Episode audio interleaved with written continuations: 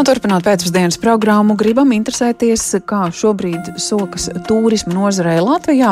Viens no iemesliem Centrālā statistikas pārvalde ir apkopojusi informāciju par šī gada pirmajiem desmit mēnešiem, un tā liecina, ka gan pavadīto nakšu skaits, gan kopumā apkalpoto viesu skaits ir būtiski palielinājies par vairāk nekā 60%, un runa gan par ārvalstu, gan iekšzemes ceļotāju aktivitātēm. Tā kā pamazām atgriežamies pie 2015. gada, bez statistikas ir arī prakse un pieredze. Tepat Rīgas ielās pārvietojoties, nu, decembris un atkal ir Ziemassvētku tirdziņš, kur brīžām var dzirdēt gan angļu, gan vācu valodu.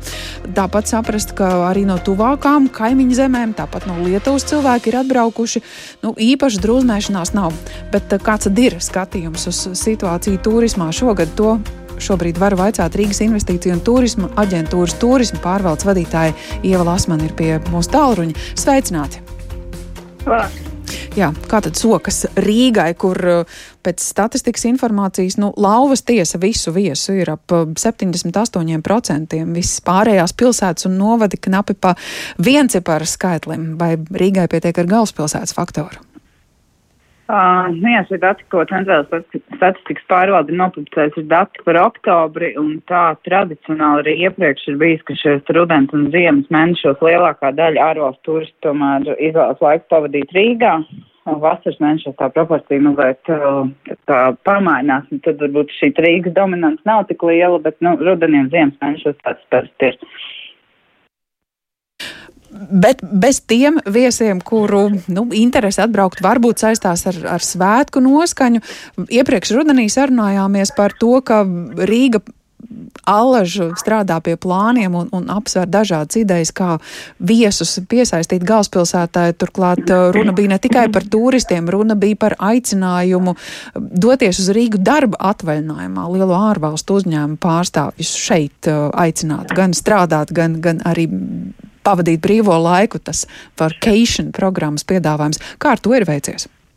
Uh, ar vacation programmas piedāvājumu veicās, varētu teikt, ka labi, jo tas bija tik uzsākts kā tāds uh, pilots projekts, un šajā projektā šobrīd pieteikumi ir. Jāsaka, ka gada beigas varbūt nebija tās veiksmīgākais projekts, jo tas parasti uzņēmumiem arī ir pietiekoši aizņemts, līdz ar to lielākā daļa vēlas šo iespēju pavadīt vacation Rīgā izmantot nākamā gada sākumā.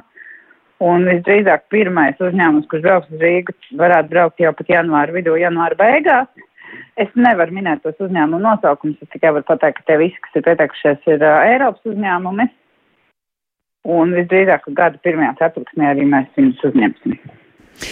Nebaidoties par kādiem riskiem, nu, redzot, ka no viesmīlības nozars puses šobrīd ir diezgan lielas bažas, kā kā spēt tikt galā ar energoresursu cenām, kā uzturēt biznesu, redzot, kā arī cilvēki ikdienā skatās un tos tēriņus samazina galvenokārt par, par izklaides iespējām, runājot, ka to kļūst mazāk cilvēki vairs tam nevar atļauties tērēt naudu un līdz ar to uzturēt visu jomu kļūst aizvien grūtāk.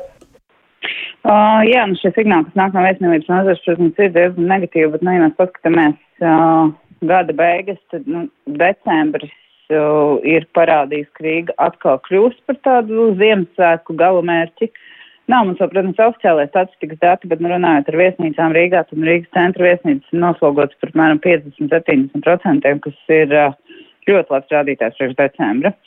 Bet skaidrs, ka tie sarežģītākie mēneši būs nākamā gada pirmais ceturksnis, kas vēl joprojām ir ziemas mēneši ar, ar augstiem apkuras rēķiniem un arī, protams, ar mazāku uh, ar mazāku šo turistu plūsmu gada sākumā. Un kas ļauj cerēt, ka turpmākie mēneši būs labāki? Uh, nu, vasaras sezonas vienmēr turismu ziņā ir, ir labākas, un nākamajā gadā, ja mēs skatāmies uz to, ka šogad, teiksim, gadu izdotos pabeigt ar aptuveni 60% no tā turistu skaita, gan vietējo, gan ārvalstu, kas 19. gadā bija Rīgā, tad nu, nākamajā gadā vajadzētu šim 19. gada skaitam pietuvoties vēl tuvāk par vismaz 70%. Un, attiecīgi, protams, lielākā šī plūsma sāksies apmēram aprīlī, no aprīļa līdz oktobrim ieskaitot. Aizvien, sarežģītākie mēneši vienmēr ir bijuši šis janvārs, februārs. Bet un tā profesionāli orientējoties uz tuvākajām kaimiņu valstīm kā lielāko interesi, uz Eiropas valstīm vai, vai tomēr arī mēģinot pierunāt cilvēkus ceļot tālāk uz Rīgu un Latviju? Uh, pamatā, protams, uh, mēs varbūt nefokusēsim tik daudz tādas nu, naudas resursus un kampaņu resursus uz tuvākajām kaimiņu valstīm, jo tur mēs redzam, ka šie lietuvieši un igauņi ļoti iecienījuši Rīgu kā savu galamērķi un šeit brauc un arī turpinās braukt. Mēs vairāk fokusētos uz Vāciju un uz šīm ziemeļvalstīm, kā arī Lielbritāniju. Uh, par tālajiem tirgiem nākamajā gadā arī šai situācijai vajadzētu uzlaboties galvenokārt no Āzijas valstīm, kur visdrīzāk nebūs vairs spēkā tik strikti Covid ierobežojumi, kā tas ir bijis šajā gadā. Bet ar šiem tirgiem ļoti daudz strādā Latvijas investīcija un attīstības aģentūra. Un tur mēs redzam, ka mm. tur arī ir pozitīvas tendences vērojams uz nākamo gadu. Skaidri. Lielas paldies par šo informāciju. Saku Rīgas investīciju un turisma aģentūras turisma pārvaldes vadītāja Ievai Lasmanai. Tātad Rīga kā Ziemassvētku ceļojuma gala mērķis pamazām atkal atjauno šo slavu.